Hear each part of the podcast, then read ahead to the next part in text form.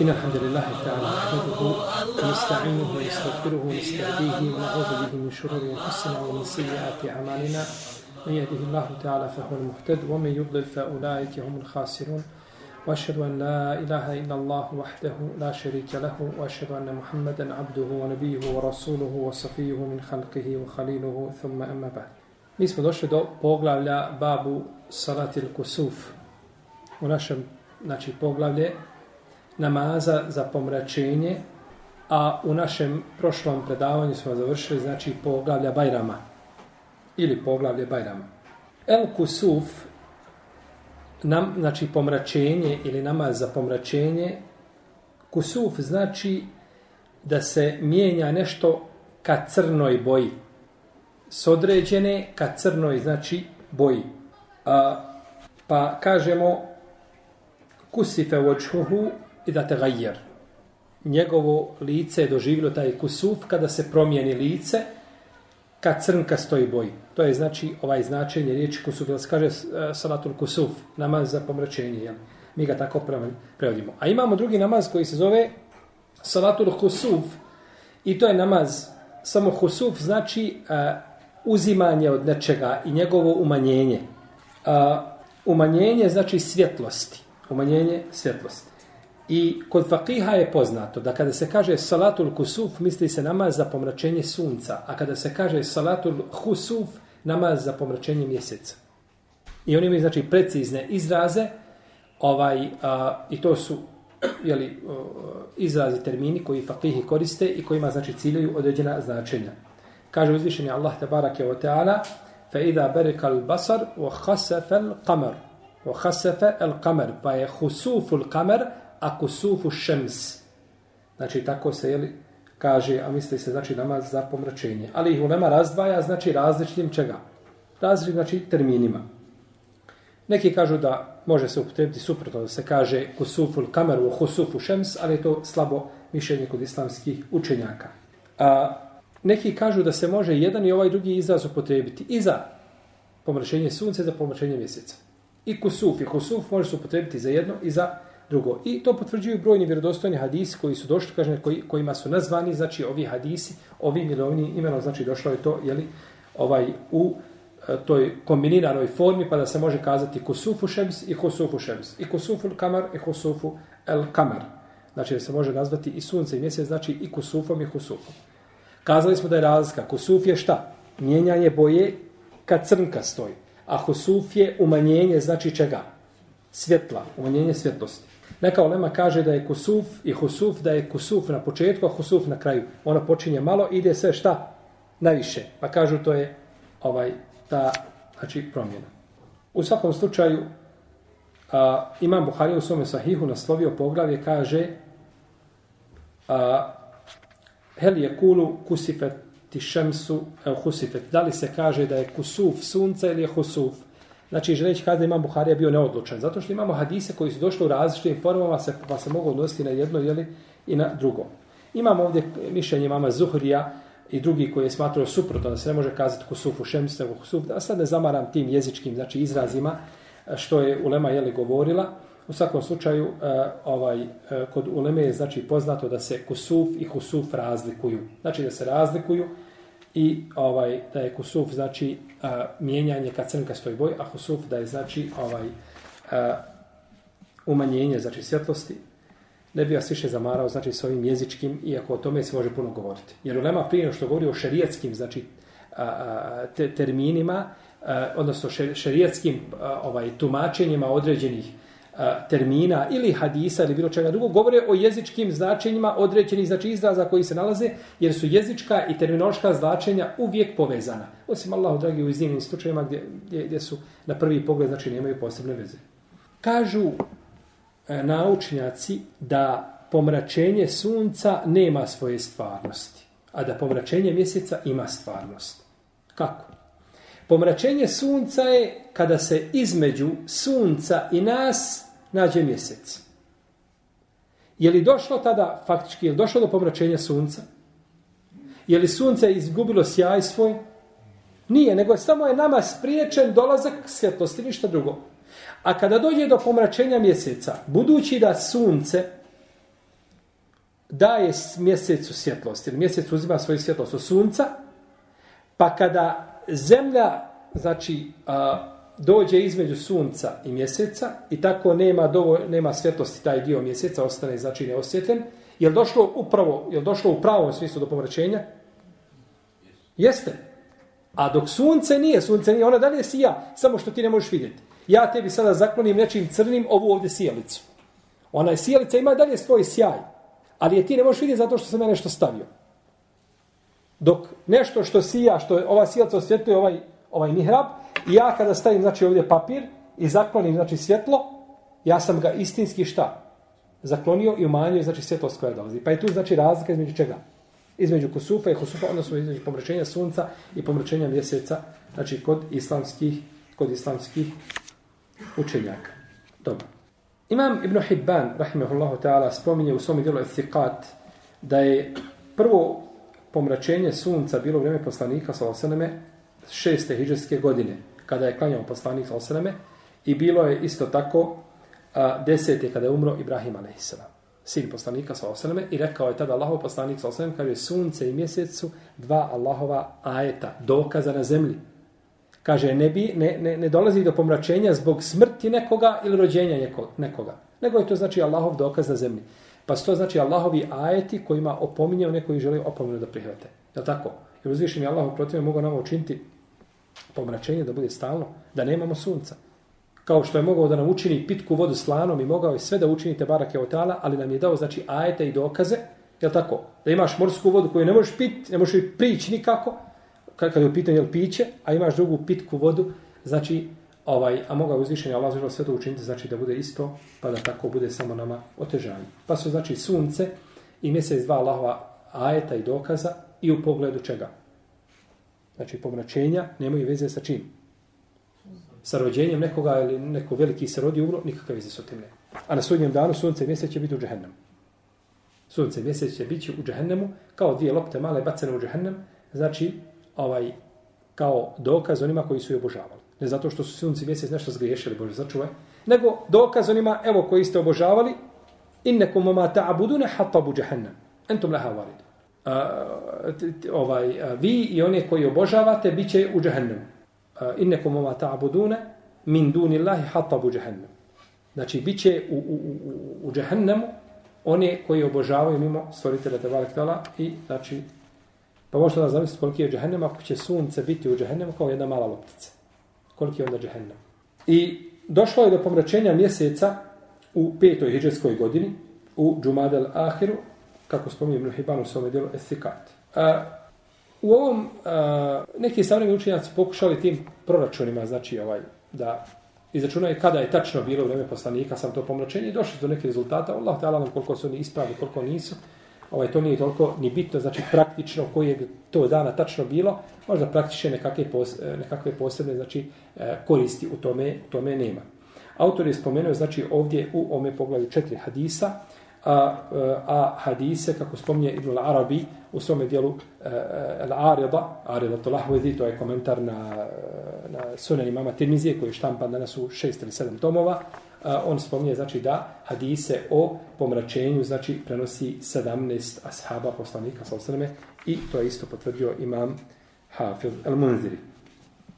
Prvi hadis a, koji govori o ovoj tematici nećemo dugo duljiti ako bog završit ga brzo strpite se malo a, jeste hadis u kome kaže autor Najša radijallahu anha kalet خسف الشمس على عهد رسول الله صلى الله عليه وسلم فبعث مناديا ينادي الصلاة جامعة فاجتمعوا وتقدم فكبر وصلى أربع ركعات في ركعتين وأربع سجدات Kaže da iše, radi Allah ta'ala anha, da je kazala, desilo se pomračenje sunca u vrijeme poslanika, sallallahu alaihi wasallame, pa je poslao glasnika da obavijesti ljude, es, es salate džamija, es salate džamijaten. Poziva ih na namaz da se, znači, okupe, pa su se okupili, pa je poslanik, sam sam prošao ispred njih, donio tekbir i klanjao je četiri rekiata u dva.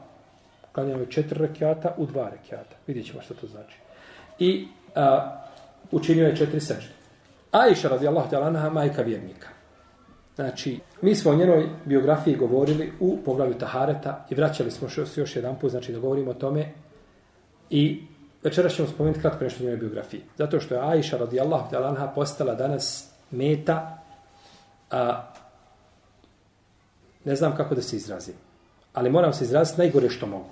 Da kažem, meta poganih jezika. Ljudi koji, znači, bez imalo stida i straha od Allaha za ođel, izlaze i govore o našoj majici ono što se ne može kazati o ženi koja priziva islam. A ne kažemo najboljoj ženi koja je bila u mom umetu, našoj majici. Čak jedan je od njih napisao knjigu u kojoj je nepobitno dokazao šeitanskim argumentima da je naša majka počela nemoral.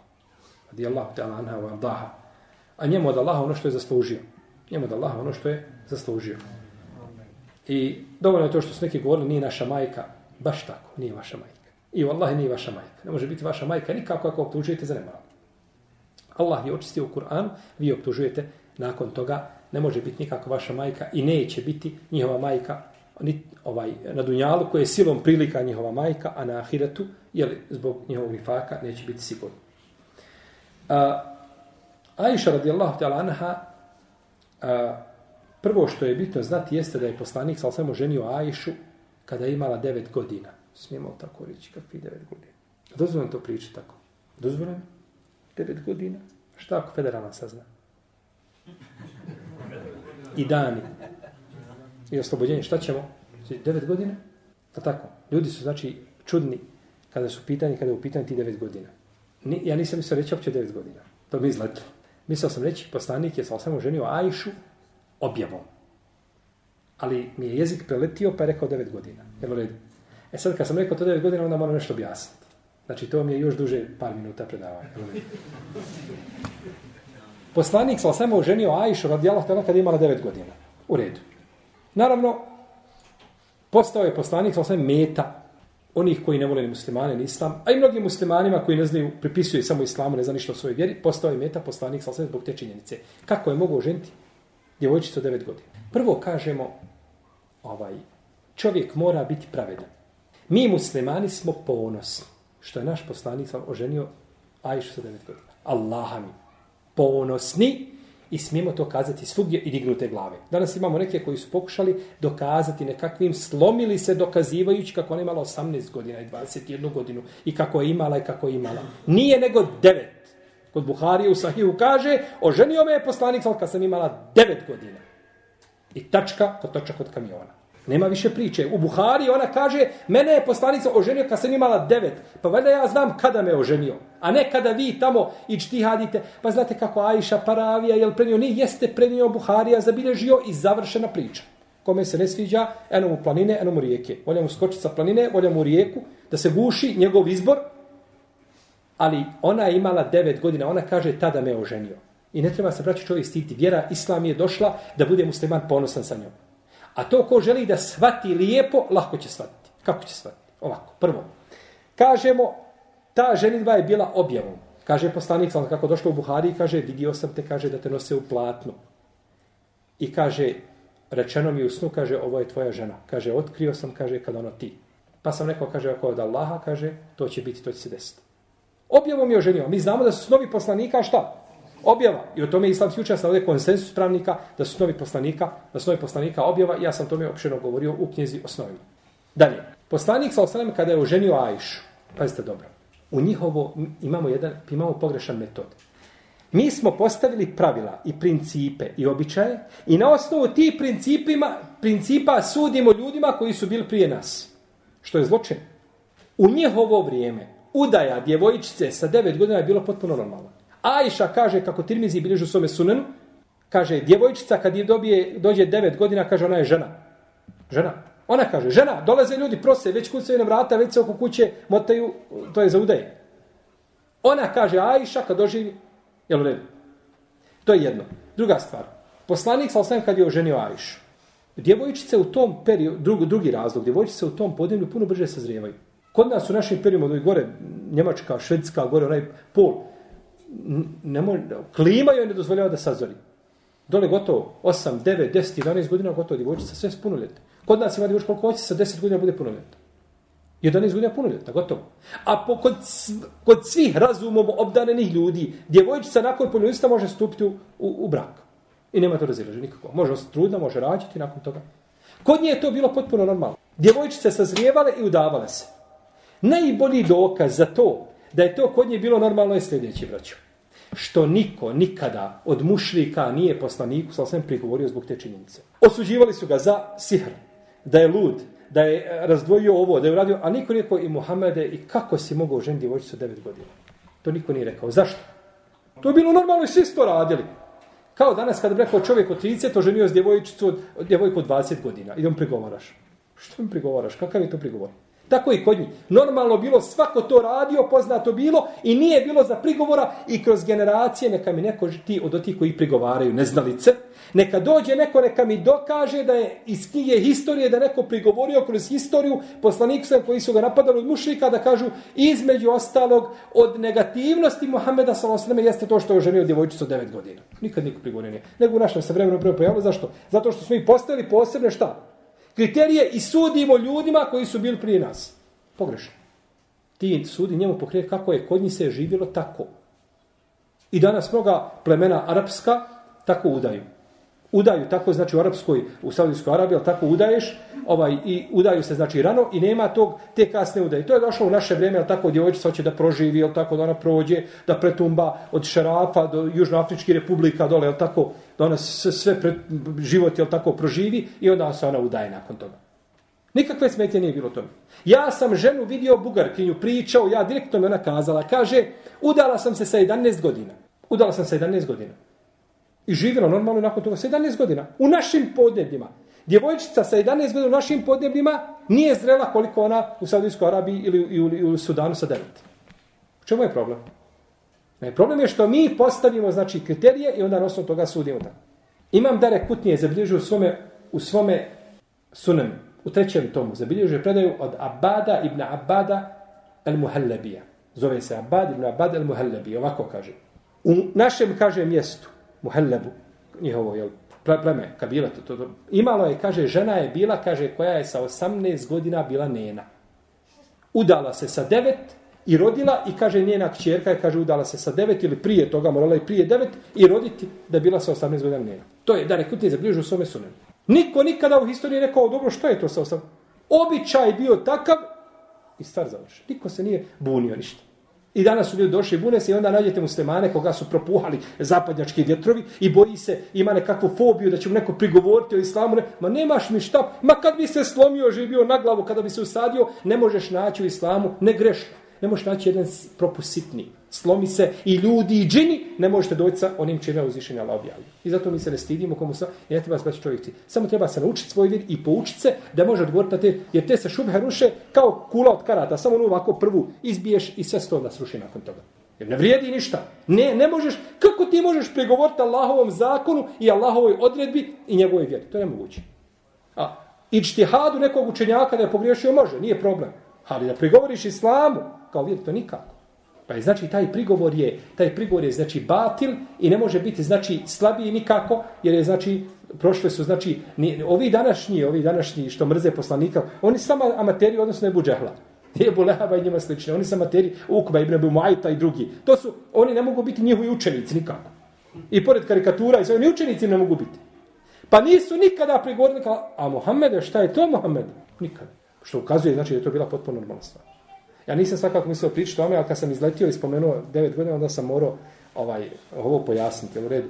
Tako da je, znači, ta udeja sa devet godina, nemoj da, da vas neko dođe da kaže, ma jedna pisala je nekakvu doktorsku disba, doktorska disertacija, koliko zgod da se pisala, slomila se doktorska disertacija, mlatila se praznu slamu živa bila. Imaš hadis kod Buharije i to ti je to. A ti doći hadis kod Buhari, znači ima predanja o tome, znači i onda ta, ta predanja, znači negirati tamo nekakvim postavkama, pokušama iz knjige, historije, da nešto dokažeš bez lanaca. Pa majka je vjernika najpreča da nema šta kaže. Kada je I najzad na kraju, nakon smrti poslanika, sa ozem. Je li Ajša radi rekla, jeste Allah poslanik, svaka mu čast. Bio je čovjek, bio je muž, ali me nije trebao ženiti sa devet godina. Je li kazala to? Nikada. Ona mogla nakon toga tako prigovor da je osjećala da je to nešto, Nikada ništa. Nego uzvičan je Allah htio da je oženi mladu i da živi nakon smrti poslanika sa dugo i da nam prenese sunnet. I zato ono što nam je Ajša prenijela, ovaj, ovaj od hadisa, trebamo kada god spomenemo našu majku da kažemo ovaj i neka je ovaj e, rahmetullah na našu majku Ajšu radijallahu ta'ala. I kada to kada neko upita kako ti ime tvoje majce reca Ajša. Kad kaže kako Ajša, ja znam da zove Fatima, a ti misliš mamu što me rodila? E jeste, to je Fatima.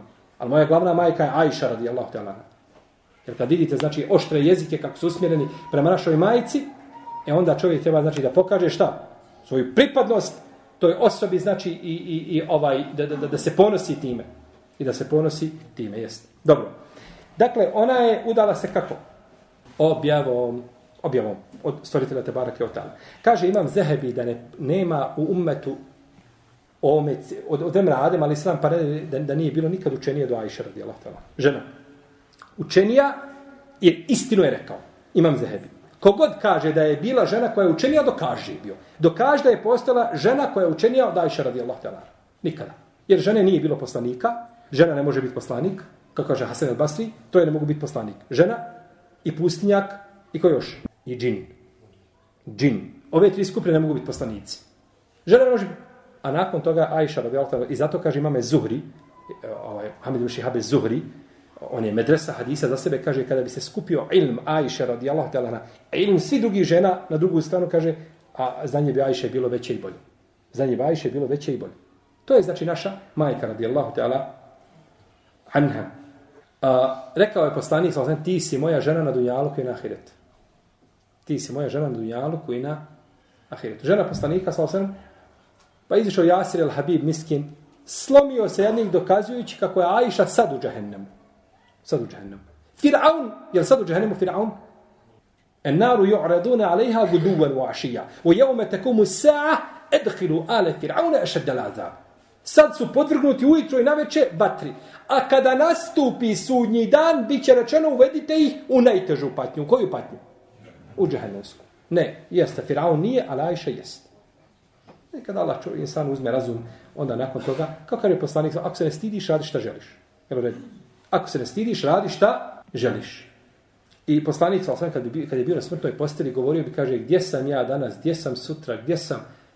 On traži dozvolu da boravi kod Ajše, radi Allah, te anahna, da ne ide kod drugih žena. Pa su, pa je, pa, pa, su dobio, pa je e, dobio dozvol da, da ne prelazi znači, od žene do žene, nego da boravi tu kod Ajše, radi Allah, i da umre, znači, kod nje I zato nam je ona prenijela, znači ono što nisu sve žene skupa, poslanika su nisu prenijeli dio onoga što je prenijela Aisha radijallahu radi Allahu Teala anha. A, kaže poslanik, sa osaname, a, kaže, a, odlika Aisha nad ostalim ženama kao, kao odlika serida nad ostalim hranama. Serid je bio kod njih poznata hrana koja je pripremala sa mesom.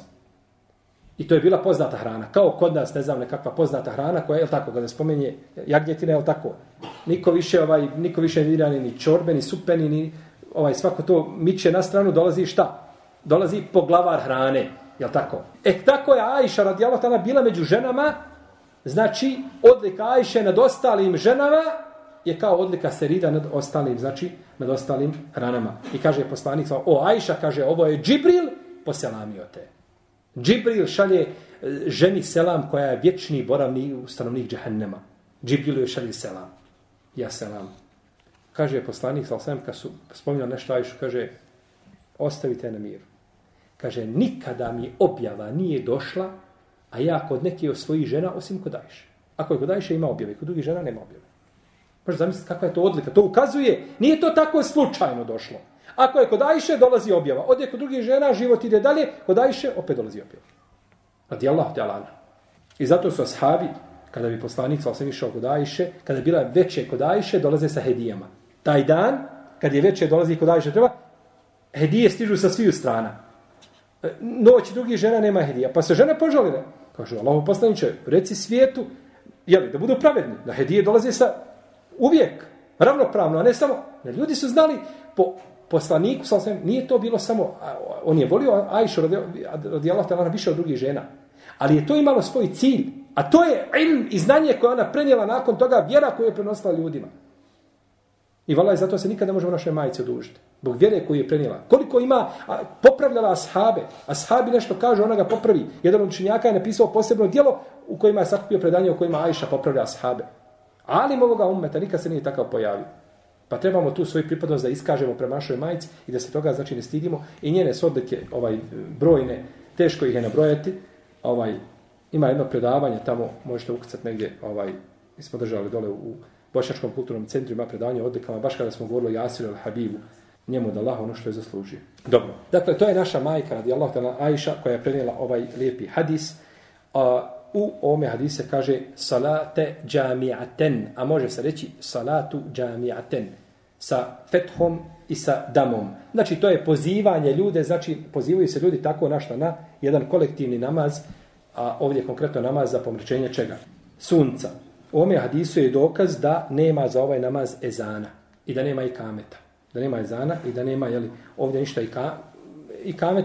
Dobro, možda je više dokaz da nema ezana nego i kameta. Znači, kao što smo govorili gdje? Kod?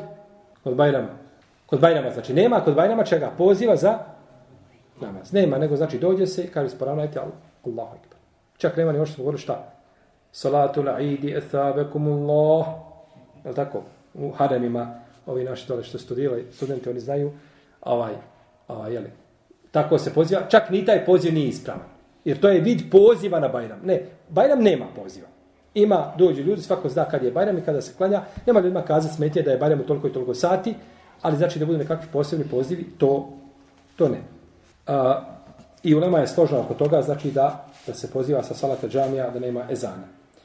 I u, iz ovoga hadisa zaključuje da je obaveza da se požuri na namaz za pomračenje sunca. Kada je namaz za pomračenje sunca, da se požuri, znači da se sotim, znači ne, ovaj, jeli, ne rasteže, ovaj, jer je poslanik sa osrame tako uradio i poticao ljude, znači da da klanjaju ovaj namaz. Namaz za pomračenje sunca je sunnet muekket, znači pritvrđeni sunnet po konsensu islamskih učenjaka, jer je tako radio poslanik i poticao ljude i okupio ih, znači, ovaj, uh, iako neki ulema, neka ulema kaže, iz toga možemo zaključiti da je, da je ovaj, namaz za pomračenje fard kolektivnog karaktera, fardu kifaje.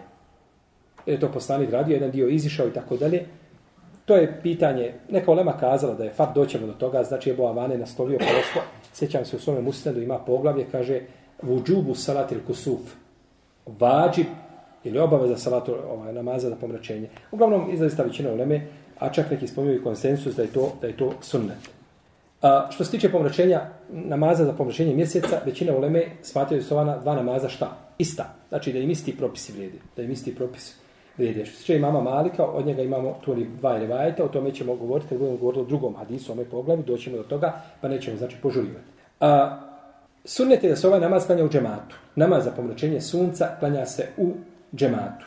I to je mezebi mama Malika i Šafije i Ahmeda i Džumhura, većine znači islamskih učenjaka. Kažu uh, učenjaci Iraka da se klanja ovi, da se ovi klanjaju, da se ovaj namaz klanja pojedinačno. Svako dođe i klanja, znači pojedinačno. Ovaj dok, hadis koji imamo, je li dokaz njima ili protiv njih? Vi mi nekako djelujete ponekad zbunjeno, gledate me. Sve prošto sad hadis.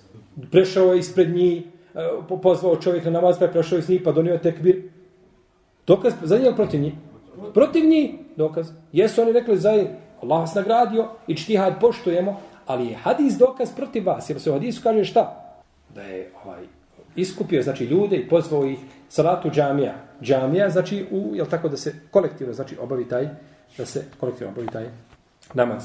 Jedan dio šafijs učenjaka kaže da on šart, znači taj, da ne može klanjati pojedinačno, nego kao džuma. Može čovjek pojedinačno klanjati džumu? Ne može. Džuma se može klanjati pojedinačno. Znači, nego za džumu treba, znači, džemat. Da li treba 40 ljudi ili više ili manje, to je drugi, to je predmet razilaženja među lemom, je tako? Ali treba džemat, ne može pojedinačno. I to je šart. Ako nema, znači, ovaj džemata, nema ni džume. A, I to su neki, znači, šafijski učenjaci spominjali. A, sunnet je da se klanjaju dva rekiata, a na svakom rekiatu da imaju po dva kijama i dva rukua. Jedan rekiat ima dva kijama, dva puta se stoji, na njemu dva puta se uči, ima šta dva, dva rukua. Ima dvije seđde, svaki šta? Rekat. I to je mezab imama Šafije, i Malika, i Lejsa, i Ahmeda i većine islamskih učenjaka. Dokažu kufijski učenjaci a, da klanja se dva rekata kao, kao rismo sabarski sunnet. Nema ove znači promjene. Nema ove promjene. Međutim, mi imamo ovaj hadis Džabira koga bilježe Muslim, Ibn Abbas koga bilježe Buhari Muslim, imamo hadis Ibn Amra ibn Asa, koga bilježi imam Nesai, Ebu Dawud i Hakim i drugi, u kome se spominje, znači, ovaj način. Dva rekiata, na svakom rekiatu, šta? Dva kajama i dva rukua. Imamo, znači, potvrdu drugim hadisima da se klanja, znači, ovako. Iako imamo mi, braćovi, predaje da se klanja tri rekiata kod muslima i imamo predaje da se klanja četiri rekiata, imamo i to kod muslima, sve je, znači, zabilježeno tako. Čak kod Ahmeda i kod Ebu Davuda i Hakima imamo pet rekiata. Dobro. Vidite sad. Ibn Hajar, Hafiz, imamo ga umeta, kaže da svi hadisi koji govore o klanjanju namaza za pomračenje više od dva rekiata su neispravni. I tako kaže Šihol sam imate ime u svojim fetvama, kaže ovaj, u 18. tomu, da su islamski učenjaci veliki hadijski stručnjaci, da su cijelni te hadise slabima. Kaže da je ispravno samo ono što prenosi dva rekiata, znači, a nikako znači tri i četiri više. I tako je rekao isto Ibn Abdelber u svome delu istiskjaru od Temhid, isto je to tako, znači rekao da su ti hadis slabi. Dobro. Kako ćemo sad, kako hadis slabe, hadis kod muslima? Šta će? A mi uvijek govorimo šta da je kod Buhari, kod muslima da su hadisi šta? Ispravni. I po jedan put podaif. Kako to? Kazat ćemo ovako. Hadis kao hadis. Prvo ću vam spomenuti šta je rekao Ibn Salah u, svome, u svojemu kadimi. Kaže, kullu ma fi sahihejni sahihun illa ahrufin jesira to kulnime fiha. Kaže, sve što je u dva sahiha je ispravno, kaže, osim sitni slova, izraza, fraza kojima su prigovarali sam učenjaci. E, to mi je od tih fraza. Osnova hadisa je li ispravan? Jeste. Znači da postoji. Samo je ravija preletio u čemu? U broju? Broj rekiata, ništa drugo. Hadis je sahih kao sahih. Ali je došla greška u broju. Kao hadis u kome se kaže kod muslima u sahihu, I kada čovjek udjeljuje tako da ne zna njegova desnica šta je udjelila lijevica. Je tako hadis? Nije. Hadis je da ne zna lijevica šta je udjela desnica. Ali kod muslima u sahiju imamo predaju da ne zna njegova desnica šta je udjela lijevica. Pa je ravija šta? Preletio. Je tako? Zamijenio. To se zove maklub. Prevrnut hadis. Treba ovako. Vrati ga nazad. E, tako isto i ovdje. Hadis je kao hadis u osnovi šta? Sahih ispravan, samo se je desila šta ta greška. I ta se greška popravimo, kažemo hadise sad. Tako da ne neko mislio da ocenjujemo hadise od, muslima daif, ih, ne, kažemo taj izraz nije šta. On nije, znači, on nije ispravan. Dobro. Imamo mi hadise da se klanja dva rekiata, tačno. Ne spominje se šta? A, detalji se ne spominju. I to je ono što su uzeli šta? Kufijski pravnici. Ali kažemo, to je došlo općenito, a drugi su hadisi pojasnili kako izgledaju šta ta dva rekiata. Znači, u kojoj su formi došli?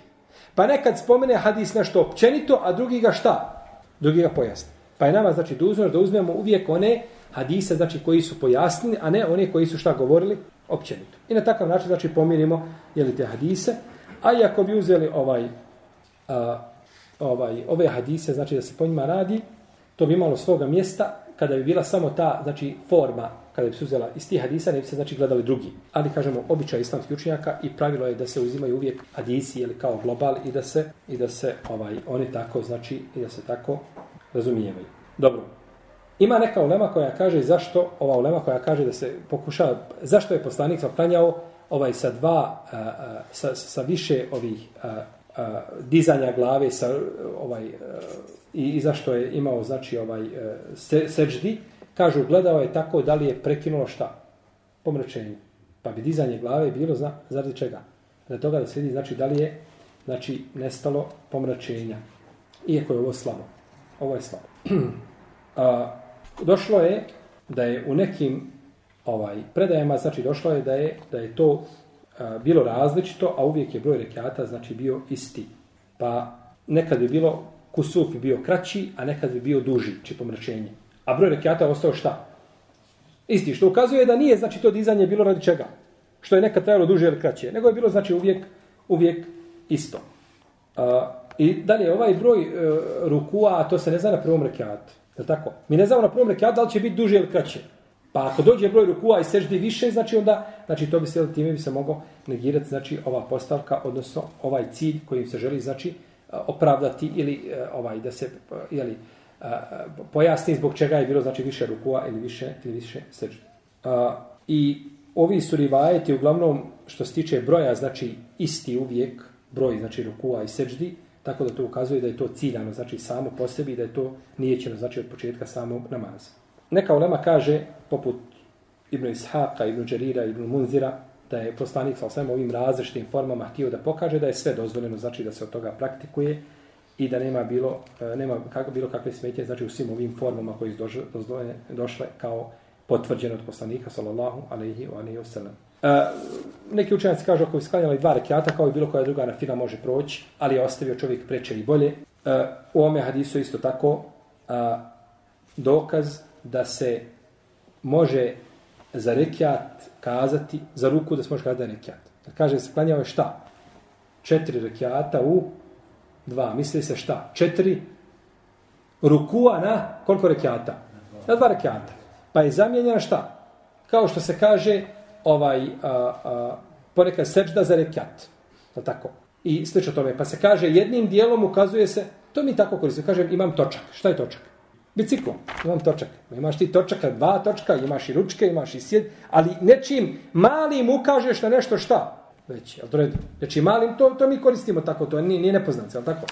Jesi. U ome hadisu je dokaz da uh, imam treba izići ispred, znači, džemata, jel tako, da klanja ispred njih i da nose tekbir, znači, nakon što prođe, znači, je li poslanik prošao ispred njih i nakon toga, znači, donio tekbir, I ome hadisu je dokaz da imam treba narediti nekome da poziva ljude na namaz i autor kaže tako je i pri drugim svim namazima koji sklanju džematu.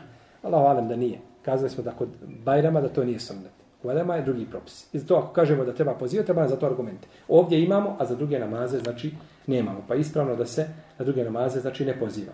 I u ome hadisu imamo znači dokaz da treba prenositi sunnet poslanika, sa osvijem, odnosno šta je radio i kako je radio da bi se mi mogli ugledati na njega, što je jasno, je li tako i vidio ome hadis, kako je Ajša radijallahu ta'ala prenijela, postupke poslanika sa osaname, uprotiv ne bismo znali znači njegov, ne bismo znali njegov sunnet. Ovo bilo nešto znači u tom našem prvom hadisu u poglavlju znači namaza za pomoćenje. Wallahu ta'ala, sallallahu ala nebina Muhammed, wa ala alihi wa sahbihi